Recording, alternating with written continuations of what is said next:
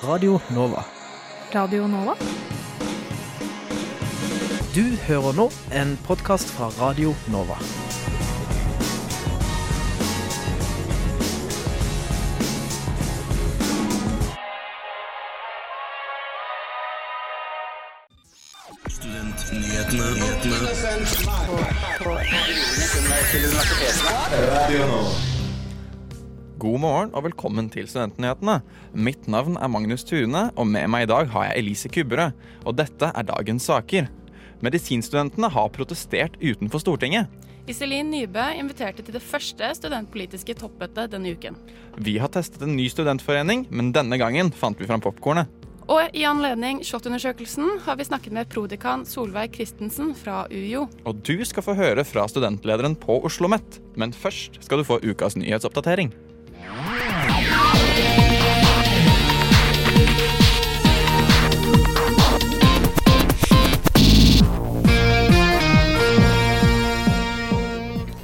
Studenter varsler om fryktkultur på odontologisk fakultet. I en artikkel fra Universitas tirsdag kommer det frem at det er blitt sendt en bekymringsmelding til Kunnskapsdepartementet. Avsender skal være en tannlegestudent ved Universitetet i Oslo. Det er flere studenter som kjenner seg igjen i varselets innhold, hvor det blir malt et bilde av et utrygt studiemiljø med overvåkning, baksnakking og psykisk press fra instruktører.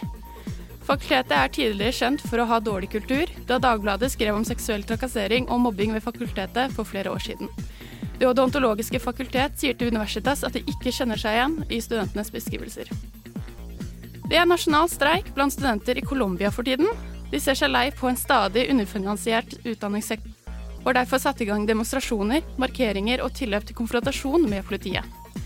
Peder Østring, utvekslingsstudent for Universitetet i Oslo i Bogotá, melder om prekære tilstander på, til Krono onsdag. Det har ikke blitt gitt noen undervisning ved Colombias statlige universiteter, da skolebygg blir blokkert av demonstrerende studenter. I går ble det avholdt støttemarkering for studentene i Colombia på Blindern, og det ble arrangert av latinamerikagruppene Blindern, SAIH og studentparlamentet ved UiO. Etter en ny undersøkelse fra Kunnskapsdepartementet for SV viser det seg at regjeringens utvidede studiestøtte har blitt finansiert av studentene selv. Dette kommer frem ved Krono torsdag. Ved å endre og ta bort støtteordninger for studentene har regjeringen kuttet nesten en milliard kroner, mens utvidelsen til 11 måneders studiestøtte har kostet 700 millioner. Regjeringen sitter derfor igjen med, med ca. 300 millioner i overskudd etter endringene. Mona Fagerås fra SV sier til Krono at ikke de er fornøyd med situasjonen, hvor regjeringen står i strid med deres målsetning om å få flere studenter til å gjennomføre. Vi får besøk av studentleder ved Oslo OsloMet for å diskutere saken.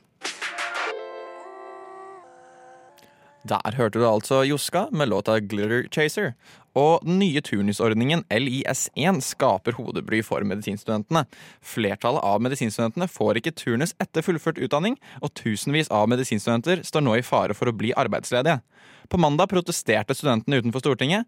Der fikk vi et intervju med styreleder for Norsk medisinstudentforening, Ranei Hosar. Mandag denne uken markerte medisinstudentene deres misnøye med den nye turnusordningen som de mener skaper unødvendig arbeidsledighet. LIS1, som turnusordningen nå heter, gjør at flertallet av nyutdannede medisinstudenter ikke får tilbud om turnus. Jeg spurte lederen for Norsk medisinstudentforening om hva de mener bør endres. Jeg heter Anna Josar og er leder for Norsk medisinstudentforening. Hva er dere her for å markere i dag? Vi er her for å markere behovet for at det opprettes minst 200 flere begynnerstillinger for leger. Det er helt nødvendig for at Norge skal ha god legedekning i fremtiden, og for at vi skal ha en moralsk forsvarlig rekruttering av leger. Mm. Men dere er her for å markere for flere LSI-stillinger. Kan du si litt hva, hva er disse LIS1-stillingene? Ja. Tidligere så hadde man jo turnustjeneste for leger, mm. som alle måtte gjennomføre for å få autorisasjon. Det var ment for å være en god introduksjon til yrkeslivet som lege. Hvor man fikk veiledning for å, gi det trygge rammer. Turnustjenesten har blitt avskaffa og har blitt erstatta av en ny spesialistutdanning, der LIS1, legespesialisering del 1, nå er første ledd. Innholdsmessig så ligner den ganske mye på den gamle turnusordningen. Ordningen er så dårlig tilrettelagt at kun én av tre medisinstudenter fikk LIS1-stilling i vår. Det til tross for at flere kommuner i Norge har mangel på legespesialister. Medisinstudentene mener at den nye turnusordningen verken passer studentene eller samfunnets behov for legespesialister. Per i dag så trenger Norge 1200 nye legespesialister årlig. Vi har 950 spesialiseringsstillinger, LIS1. Vi utdanner med andre ord ikke nok leger til å dekke vårt eget behov. Det ble en flaskehals hvor nå er det over 1000 nyutdanna leger som venter på å få lov til å bidra i et helsevesen som trenger spesialister. For vi utdanner ikke for mange leger? Vi skaper et overskudd av uspesialiserte leger og et underskudd av spesialister. Den dårlige tilpassede ordningen har nå ført til at tusenvis av medisinstudenter står i kø for å få turnus. Medisinstudentene protesterer derfor mot den såkalte flaskehalsen.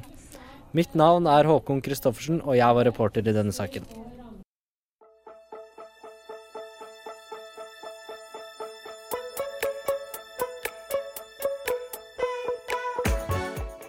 Vi har vært på studentpolitisk toppmøte med tema utveksling.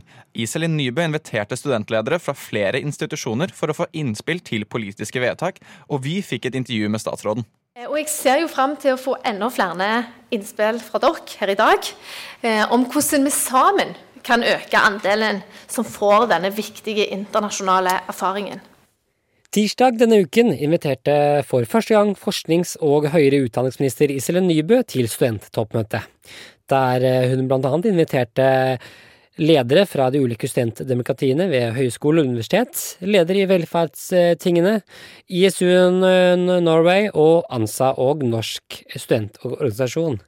Men hvorfor inviterte hun egentlig til akkurat dette toppmøtet? Fordi at eh, vi trenger en arena eh, der jeg som statsråd kan møte studentene eh, for å diskutere politiske saker som er viktige for studentene, og så, som, som, har et sånn lengre perspektiv. For ofte når jeg trekker, treffer studentene, så handler det om én konkret sak som skjer akkurat her og nå. Men nå skal vi diskutere to stortingsmeldinger, bl.a., som er et arbeid som pågår litt over tid. Og da er det viktig å få innspill fra studentene tidlig prosessen. Og så får vi se, eh, hvis vi skal fortsette med studenttoppmøter, eh, så får vi se litt da hva andre temaer vi kan ta opp. Men vi kan jo se for oss at vi kan ta opp temaer som involverer flere departementer f.eks. Eller ja, så her må vi få litt innspill fra studentene etter at vi har hatt det første toppmøtet. Men eh, hvorfor er akkurat utveksling så viktig? Nå jobber vi med en stortingsmelding om studentmobilitet, for vi har et langsiktig mål om at halvparten av studentene våre skal ha hatt et utvekslingsopphold i løpet av studiet sitt. Og Grunnen til at vi ønsker flere reiser ut, det er jo mange. Men vi F.eks. For fordi at de studentene som reiser ut, får en helt unik opplevelse. Eh, men de får òg en unik kompetanse som er etterspurt i arbeidslivet og i næringslivet, eh, som du ikke ville fått hvis du ikke reiste ut. Og så er det sånn at kunnskap det er i sin natur internasjonalt og kjenner inn ingen landegrenser. Og det å eh, det å ha utveksling det gjør våre universiteter og våre høyskoler bedre. Når studenter reiser ut og kommer tilbake, når vi får internasjonale studenter inn med andre impulser, så blir vi bedre av det. Vi, har snakket til og med ANSA, og de har sagt at Eh, at mange sliter med å få godkjent studiepoeng fra utfelling i norsk grad. Eh, og nå har dere forslag da, om å endre studiestøtten, slik at eh, man må fullføre en grad for å få full studiestøtte. Hvordan henger dette sammen? Ja, altså dette her med å få godkjent de fagene du tar, det er en utfordring som, som mange opplever. Eh, og Det handler jo om at de veldig gjerne vil ha den inn i graden sin. sant? Fordi de vil at dette skal være en del av den graden de har starta på. Eh, og det, det, henger jo veldig godt med det, sammen med det ønsket som regjeringen òg har, at folk skal gjennomføre studiet de har begynt på. Eh, sånn at De to tingene henger egentlig ganske godt sammen. Eh, men vi har en utfordring i dag, fordi at mange opplever at de får ikke ting forhåndsgodkjent. De er usikre når de reiser ut om dette er noe de vil få, få godkjent inn i graden. og Det er absolutt noe vi må se nærmere på. Men Blir det ikke vanskeligere for studenten å vurdere det når de kan få 20 000 ekstra i, eh, i lån? Ja, Mitt utgangspunkt er jo at vi må bli bedre på det. Vi må bli bedre på å vise studentene hva som kan gå inn i graden, og hva som vil være naturlig eh, å, å, studere når du reiser til utlandet. Og Jeg opplever vel at det er den eh, vinklingen òg studentene har. At eh, de vil ha det som en del av graden sin. De vil ikke nødvendigvis måtte ta ett år ekstra. Eh, for, for, å få utdanningen sin klar. De vil at dette skal være en del av graden. Det vil jeg òg. Her har vi et forbedringspotensial. Kan du gi en kort kommentar om, om hvorfor dere vil innføre en endring av studiestøtten? Det er et forslag som regjeringen har lagt fram, som nå ligger til Stortinget. Så det er sånn sett ikke eh, tema her, eh, og er lenger heller ikke på mitt eller regjeringen sitt bord. Eh, vi har jo et ønske om at de som studerer skal komme seg gjennom studiet. Vi har stort frafall eh, i dag. Eh, vi har et håp om at dette, dette vil være et insentiv som òg bidrar til å få folk gjennom eh, studiene sine. Det var Iselin Nybø som hadde tatt en prat med vår reporter Ingar Jakob Feiring under det første studentpolitiske toppmøtet.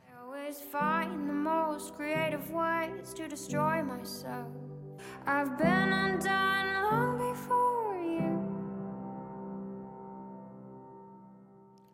Der hørte du låta 'Undo' av Transviolet. Og det finnes jo mange forskjellige foreninger her i Oslo. Og vi har valgt å teste disse foreningene i vår nye spalte. Og denne uken har vi tatt turen innom foreningen Cinema Nøff og sett film fra 40-tallet. Nå sitter vi godt benka foran eh, storskjermen her og er klar for å teste ut eh, Cinema Nøff. Mitt navn er Julie Byberg Bø, og Jeg er Victoria Løvik. hva forventninger har vi til filmen i dag? Nei, den er fra 40-tallet, så det er veldig spennende å se litt sånn gamle filmer, da, og grave litt i dybden. Hva vil du si om oppmøtet så langt? Nei, det er ikke veldig fullt, det er plass til flere, men eh, det er koselig. Vi gleder oss. Eh, Nå står vi her med nestlederen i Cinemanef. Jeg heter Andreas Storeng. Hvilke type filmer er det dere pleier å vise? Eh, Vi har tre visninger i uken, så det er fordelt over tre forskjellige konsepter. Så du har mandagsvisningene, som er eh, gjerne liksom større navn, Hollywood-produksjoner og klassiske filmer. Tirsdagsfilmene, som er litt sære filmer med sånn filmklubbpreg. Filmer fra utlandet, dokumentarer og eksperimentell film. Så har du torsdagsfilmene, som alltid er på filmrull. Da låner vi veldig ofte filmer fra Nasjonalbiblioteket, så det er eh, ofte gammel norsk film.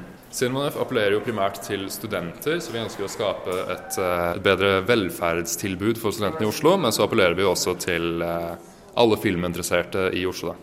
Hva film er det dere skal vise i dag? I dag skal vi vise filmen 'Tørres snørtevold', som er en eh, tolkning av en Alexander Kielland-bok. Som er en sånn klassisk norsk eh, folkekomedie. Navnet er Robert Myhrvold. Jeg er pensjonist. Hva er det som gjør at du kommer hit i stedet for vanlig kino? Ja, men her går gamle filmer, ikke sant? Ja, ikke sant? Så, ja, det er det. Er det noe du vil si til filmelskede folk der ute? Jeg vil si at dere må, må komme, komme her. Vi trenger flere, flere tilskuere. Så oppfordrer folk til å ta en tur hit. Eh, nå har egentlig filmen begynt, men det var ikke lyd. Så nå venter vi spent på hva som skjer videre.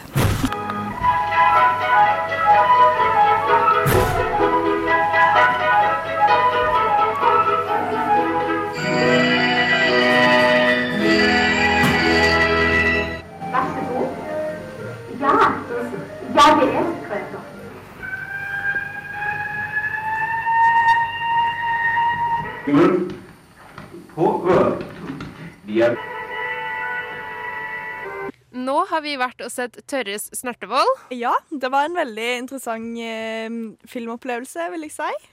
Kult klubb. Ja, det var veldig eh, koselig og internt å sitte i en eh, liten kinosal og se på gamle filmer.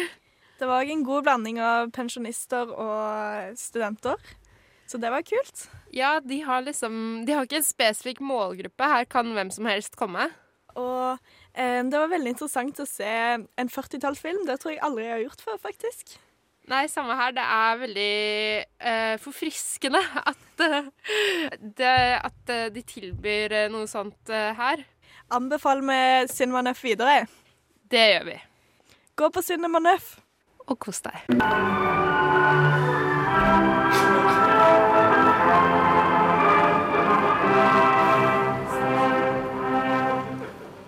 Og om du ønsker å være med og se filmer, så holder Cinema Nøff til her på Chateau Nøff på Majorstua. Reportere i saken var Victoria Løvik og Julie Byberg Bø.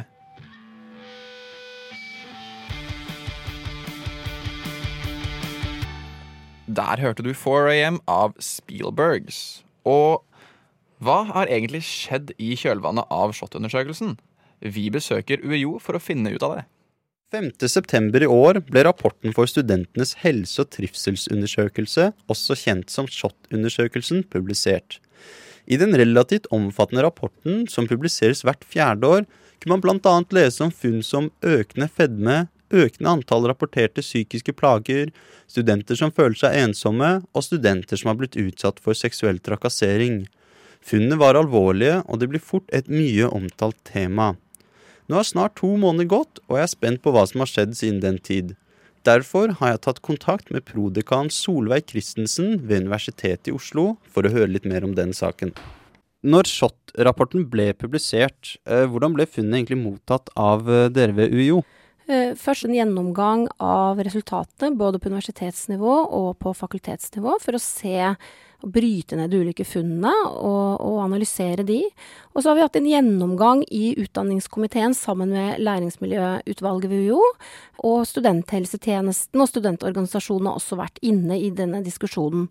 Og så følges dette opp nå med etablering av en læringsmiljøplattform som skal bli gjeldende for hele universitetet. Var det noen av eh, funnene i rapporten som fremsto som kanskje mer sjokkerende enn andre, da? Ja, det som i hvert fall jeg noterte meg, og som også har vært en diskusjon eh, nasjonalt, har jeg sett, det er jo de psykiske plagene som eh, studentene rapporterer, og det er en markant oppgang fra forrige periode. Eh, det tenker jeg at det må vi ta alvorlig. Det må hele høyere utdanningssektoren ta alvorlig, og også skolesektoren. For studentene våre kommer jo fra skolesektoren. Så det er noe som vi absolutt må eh, jobbe veldig tydelig mot. Nå har vi ved Universitetet i Oslo en veldig god helsetilbud til studentene våre, SIO helsetjeneste, med både leger og psykologer, som nå flytter inn i nye lokaler annet. Så det er noe vi, noe vi er stolt av og fornøyd med at vi har å tilby studentene. Men jeg tror jo at vi ikke bare skal tenke tiltak i etterkant, at folk får psykiske plager. Her er det snakk om å bygge opp gode og trygge læringsmiljøer som folk trives i. Og at vi får forebygge plager. Det er det som må være vår vår målsetning inn i dette, og vårt bidrag. Du snakket om denne arbeids- og læringsmiljøplattformen, eh, men kan du vise til noen konkrete tiltak dere har gjort på fakultetsnivå eller instituttnivå? Ja, da har jeg lyst til å trekke fram eksempel fra mitt eget fakultet, som er det matematisk-naturvitenskapelige fakultet. Eh, og vi er jo en, et stort fakultet, en fjerdedel av eh, Universitetet i Oslo. Og jeg vil vise til to helt konkrete, store tiltak som vi har.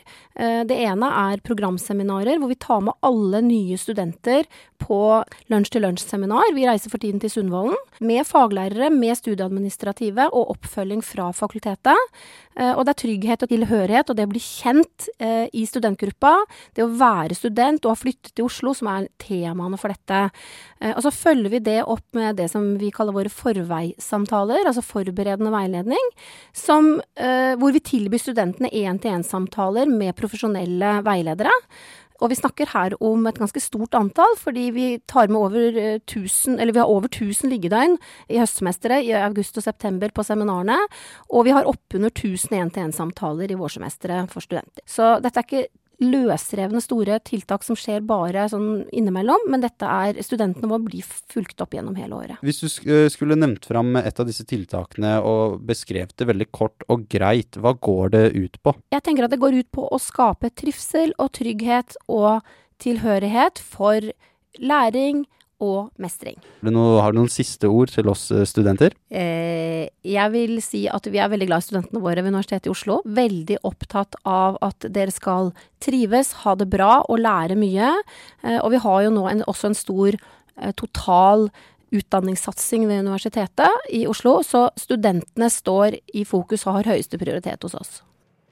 Universitetet i Oslo har altså planer om å innføre overordnede tiltak for å øke trivsel, trygghet på tvers av alle fakultetene, fremfor at ett og ett fakultet har sine egne tiltak. Reporter i saken var Oliver Lode.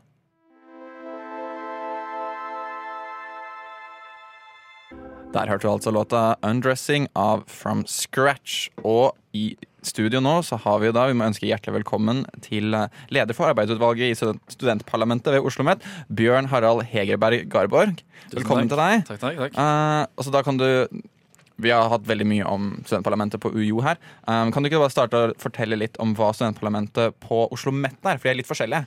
Så hva gjør dere på Oslo OsloMet? Eh, så Den største forskjellen er jo kanskje måten vi er strukturert på. For vi har fakultetsvalg, og der de har listevalg. Eh, Derfor velger vi òg arbeidsutvalget og parlamentsseparat. Men det er tekniske detaljer. Um, og så spurte du hva vi gjør, da. Eh, altså, det med, med, med Oppgavene våre er i stort sett det samme. Vi sitter i de her store si, høye rådene. Vi sitter i utdanningsutvalg og forsknings- og utviklingsutvalg. Jeg sitter med rektor sitt bord, og vi sitter og jobber for sakene som studenten bryr seg om. Og Det kan være alt fra store strategiske saker til små, eh, si, små men viktige saker. Hvordan blir de pre sakene presentert til dere?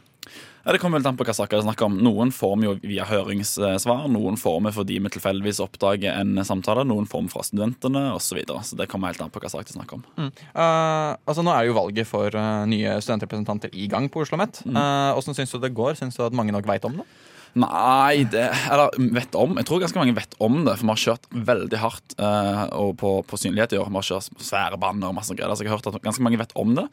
Vi har veldig få som stiller. Uh, det, det, er litt, det, er veldig dumt, egentlig. Uh, men vi har veldig få som stiller til gjenvalg, så det, jo, det er jo litt, litt, av saken. Og så er det vanskelig å si hva som gjør så få stille. det varierer jo fra år til år. det kan være tilfeldigheter, det kan være vi som gjør andre, andre, ting, men vi vet ikke helt hva det er. Um, så vil jeg spørre, Hvor mange er det som sitter i arbeidsutvalget? Fire. Fire stykker. Um, du sitter der nå som leder. Hvilke andre verv er det? Og jobber dere måte, Dere samkjører selvfølgelig, men jobber dere i forskjellige, har dere forskjellige temaer dere snakker med forskjellige om? Ja, altså Du har meg som er leder, og så har du Vilde som er nestleder, Jeanette som er læringsmiljøansvarlig, og Egle som er fagpolitisk ansvarlig. Eh, og jeg, sitter, jeg, har jo mest ansvar for eh, politikken opp mot rektoratet, og jeg har ansvar for eh, altså, jobber opp mot nasjonalt, på nasjonalt nivå. Eh, og, og, og fronte vår politikk i media.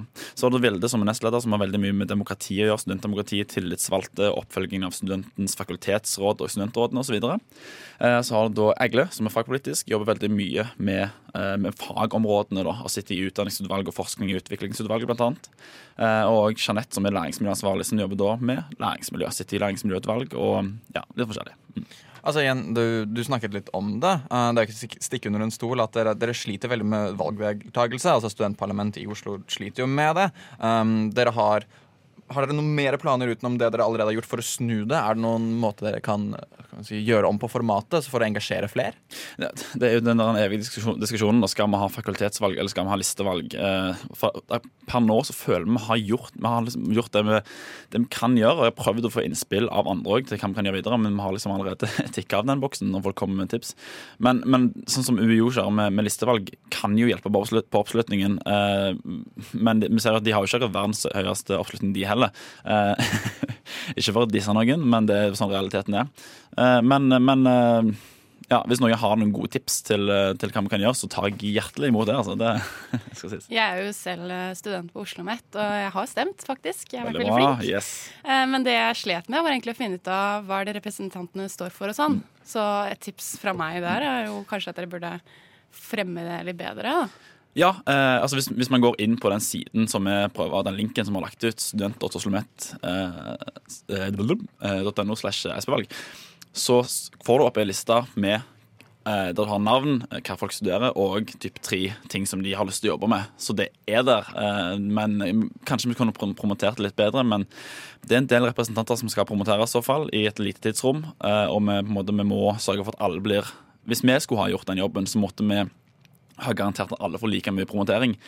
Og videre, for Hvis ikke så mister du demokratiet oppi det greiene her. så Derfor har vi sagt at okay, alle sammen har ansvar sjøl for å fikse dette. her, Så slipper vi problemet med at vi, har, vi på en favoriserer noen foran andre. Nå har du jo jobbet i studentparlamentet i hvert fall en liten stund. Eh, hvordan ser du for deg det fremtidige, fremtidige Oslo OsloMet? Altså, Syns du at listevalg er veien å gå, eller syns du det fungerer greit sånn som det er nå? Jeg, jeg, syns ikke altså, Listevalg har fordeler og ulemper. Som fakultetsvalg har fordeler og ulemper. Det jeg ser som fordel med listevalg, er at listene er litt mer sjølgående. og du får kanskje ikke helt du, du, får mye, du, får mye, mer oppslutning rundt valg, tror jeg. Eh, men problemet er jo òg at terskelen blir jo veldig mye høyere for å stille til valg. Eh, og for, for oss på Oslo Met, som ikke har det der eh, gode, hva si, det der tradisjonelle eller gamle eh, Vi har ikke så mye erfaring, vi har ikke den der, altså, tradisjonen da, for å være politisk aktive. Sant? Vi har, vi har um, profesjonsutdanninger, og du er kanskje ikke de som er mest politisk aktive. Så Derfor tenker jeg at fakultets... Uh, fakultetsvalg sånn som vi har nå, er den veien vi bør gå videre. Syns du at du får en mer direkte kontakt med rektoratet når du har et sånn type format? Eh, Det er vanskelig å si. Det tror jeg egentlig ville vært litt et vett. For jeg, jeg, jeg ser for meg at jeg hadde sittet i eh, rektors ledermøte, som jeg gjør i dag, uansett. Men syns du at altså, studentparlamentet på Oslo OsloMet blir de hørt av rektoratet og liksom, styret da, på Oslo OsloMet? Eh, Det er jo Det, tror jeg likt sånn som alle andre plasser. Noen plasser blir vi hørt veldig. eh, Og det er gjerne plasser altså, Det er jo litt opp til oss, da. Vi blir gjerne hørt på de sakene hvis vi presenterer dem på en måte som går Der vi legger de opp Altså der vi presser de inn som at det her er allerede strategien. La oss bare gjøre den tweaken her. Altså Hvis vi kommer med helt ferske saker, så er det sykt vanskelig å få gjennomslag. Men hvis vi legger de fram på en god måte og viser at det her har dere allerede bestemt i handlingsplan, i strategi, så er det jo veldig lett for oss å få gjennomslag. Og i tillegg så må vi jo også spille på hva er det nåværende rektorat ønsker å gjennomføre. Så er det mye lettere for oss å, å få gjennomslag for de sakene som de allerede ønsker. Men eh, hva er det de viktigste sakene dere jobber på nå? akkurat nå. Eh, nå. Nå er vi i en litt sånn rar fase, egentlig. For veldig, vi bruker veldig mye av ressursene våre på nasjonal eh, politikk. Eh, med tanke på den stipendordningen som skal komme til senere, antar jeg. Um, men vi har òg den Kjeller-saken, nå Campus Kjeller. At eh, man styrer Styret vedtok at vi skulle fortsette å bli på Kjeller kontra å flytte til Lillestad, eller kontra å utrede et annet alternativ. Så nå går veldig Nå presser vi litt på det for å få, for å få midler til å bedre studiemiljøet der ute. For det er det som studentene har gitt tilbakemeldingen. Det er det som er det som slites mest der ute. Mm. Vi skal snakke mer sammen, men først skal du høre en låt. Jeg skjønner ikke mer tid å få Der hørte du altså Luna med låta 'Han', og vi har fortsatt deg i studio, Bjørn Harald Hegreberg Garborg. Og vi skal nå som da er leder i arbeidsutvalget ved studentparlamentet på Oslo OsloMet. Vi skal over på et annet tema, for Kunnskapsdepartementet har nylig gjort en undersøkelse for SV.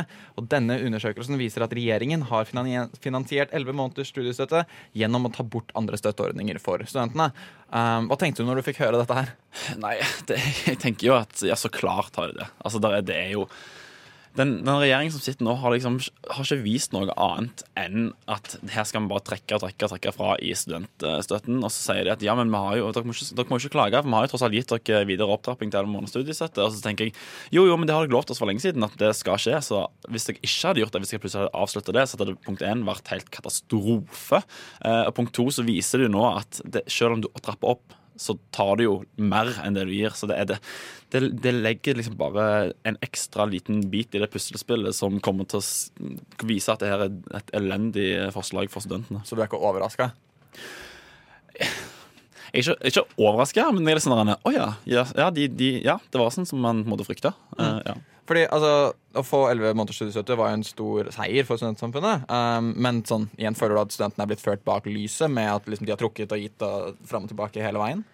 Ja, det, det, man føler jo det. For 11 måneders studiestøtte skulle, skulle, være en seier. Det skulle være en oppbygging av studiestøtten, men når det ikke er det, så er det så klart det føles jo som et svik. Uh, og det, det er jo ja, det er nederlag, og det er vanskelig, og vans det er vanskelig å, å, tilgi noen for noe sånt. liksom. Det, hva skal man gjøre nå for å rette opp i det her, tenker jeg. Mm. Men de er liksom, altså for å tenke på regjeringen, da, for de ser jo problemet med at færre og færre fullfører grader på normert tid, og det er jo en utfordring å faktisk klare å få utdannet studenter på samme måte som tidligere. Så det er jo en vei å gå. Um, du ser jo argumentasjonen i det. Nei. Nei, for det problemet nei, Hvis vi er inne på det der fullføre grader og ikke fullføre grader så jeg har argumentert på det, for det her før òg, eh, men jeg får aldri, jeg får aldri noe motsvar fra, fra regjeringen eller fra Iselin Nybø, så er det vanskelig å finne ny argumentasjon. Eh, men, men altså, det er det her, hvorfor i all verden skal en fullført grad være så vanvittig mye mer verdt enn en, en ikke fullført grad eller et årsstudium eller enkeltemne? Det har jo, det, altså, jeg har spurt og spurt og spurt. Eh, for, for Iselin Nybø sier at vi vurderer at en fullført grad er mer verdt enn et enkeltstudium og årsemne eller ikke fullført grad. Så spør jeg hvorfor det, så får jeg aldri noe svar på det. Nei, for dette, det er vel kanskje mer institusjonene i seg selv som tjener på det. Ettersom at de får jo støtte i forhold til hvor mange som utfører en, en grad. Så er det mer sånn internasjonalt eh, Ja. At det blir sett på som et bra ting internasjonalt. At de bekymrer seg for det. Det, det, det kan være, eh, for vi ligger jo lavt på hva det er den OECD sin scoring. Eh, og der, hva det, er fem, seks, kun fem-seks fullfører. Eh, og internasjonalt er det mye høyere. Men jeg tror også det at jeg, jeg tenker også liksom at det kan jo være at det her er et forslag som var godt ment, men som de rett og slett var dårlig gjennomtenkt. Og når du først har lagt det fram i statsbudsjettet, så er det vanskelig å trekke det tilbake. Så ja. Mm. Men hvorfor ikke, altså, hvorfor ikke teste det? Hvorfor ikke se om det fungerer? Fordi sånn, Vi antar jo, og vi ser jo dette her med SHoT-undersøkelsen, at flere og flere sliter psykisk. Dette gir bare mer press. Men er det ikke fordelaktig å få testet det ut før vi tar en ordentlig konklusjon på det? Nå er det veldig mange som har bestemt seg, men Fordelen ville vært å, å forhørt seg med studentene før det kommer forslaget. tenker jeg da. Fordi når, det, altså, når den SHoT-undersøkelsen sier jo det et av de kraftigste motargumentene mot det forslaget her, det at studenter sliter psykisk, at man er ensom og at man ikke føler at man mestrer hverdagen. Eh, det, altså, Vi skal i tillegg legge opp til at eh, hvis jeg ikke trives på studiet, så må jeg fullføre det. Hvis jeg får i praksis opplever trakassering, så kan ikke jeg slutte. Fordi da mister jeg en del av studiestøtten min. Og i tillegg et poeng som Vi diskuterte jo eh, utveksling og eh, jeg migrasjon, det er ikke det heter. Ja, utveksling osv. Um, eh, og um, mobilitetsmelding, det var det. Takk, Harald. Eh, og, og hvis man da er på utveksling og kommer hjem og ikke får godkjent det faget eller det emnet du hadde på utveksling, hva skal du da gjøre? Sant? Og det er liksom en, en til sånn der en, bekymring som jeg har, da, at, at det kan skje. Mm. Altså Det kom i går en advarsel til regjeringen i et lesebrev publisert på Krono sin nettside. At liksom tror det blir nødvendig med en demonstrasjon for å få regjeringen til å høre. Trenger liksom trenger vi det nye studentopprøret og den idealistiske tenkningen fra ja, tidligere? Jeg har jo lyst til det, vet du. Jeg har jo kjempelyst til å få til en demonstrasjon, men nå har vi jo altså Norsk studentorganisasjon har kjørt kjempehardt og gjort en knallgod jobb. Samla i hvert fall sist jeg over 16 000 underskrifter eh, mot dette forslaget. Man har jobba opp mot alle, eh, eller ungdomspartiene i hvert fall på sent sentrums- og venstres- venstresida. Eh, og ja, man, man har gjort egentlig det man eh, kan for å, eh, for å vise at vi er misfornøyd. Jeg tror ingen i eh, regjeringen tror at vi er fornøyde med det forslaget. her. Så det, En demonstrasjon kunne vært kjempekult, men hensikten er allerede oppfylt, tenker jeg. Mm. Uh, og så lurer jeg på sånn Studenter der ute er jo kjempemisfornøyde, snakker høyt. Um, men utenom en underskriftskampanje, hva er det man kan levere til regjeringen? Hva er det, kan, hva er det studenter kan gjøre for å ta hånd? Da? Fordi det er jo et flertall på Stortinget. Um, hva kan studentene gjøre for å sikre at de får stipendet sitt? Det er vanskelig å si. Vanskelig å si. Eh, som sagt, jeg føler man, man har gjort liksom det man, man kan gjøre. Eh, det man kan gjøre, er jo å si at vi hopper av, altså vi slutter å studere. hvis, alle slutter på studiene eh, i hele Norge på likt, så skulle vi sett det fått en effekt, men det er jo litt urealistisk. Nei, jeg tror, jeg tror det oppropet og, og det samarbeidet og den lobby, lobbyingen som, som NSO har gjort, er er sufficient. Mm. Uh, tusen takk til deg, Bjørn Harald Hegerberg Garborg, for at du kom hit i studio i dag. Det var det vi hadde for i dag. Pass på å følge oss på Facebook, Instagram, Twitter, på at Studentnyhetene. Podkastene fra sendingene finner du på soundcloud.com slash studentnyhetene, eller der du finner podkast. I studio i dag har vært meg, Magnus Tune. Med meg har jeg hatt Elise Kubberød, og tekniker var Celine Stensrud. God helg.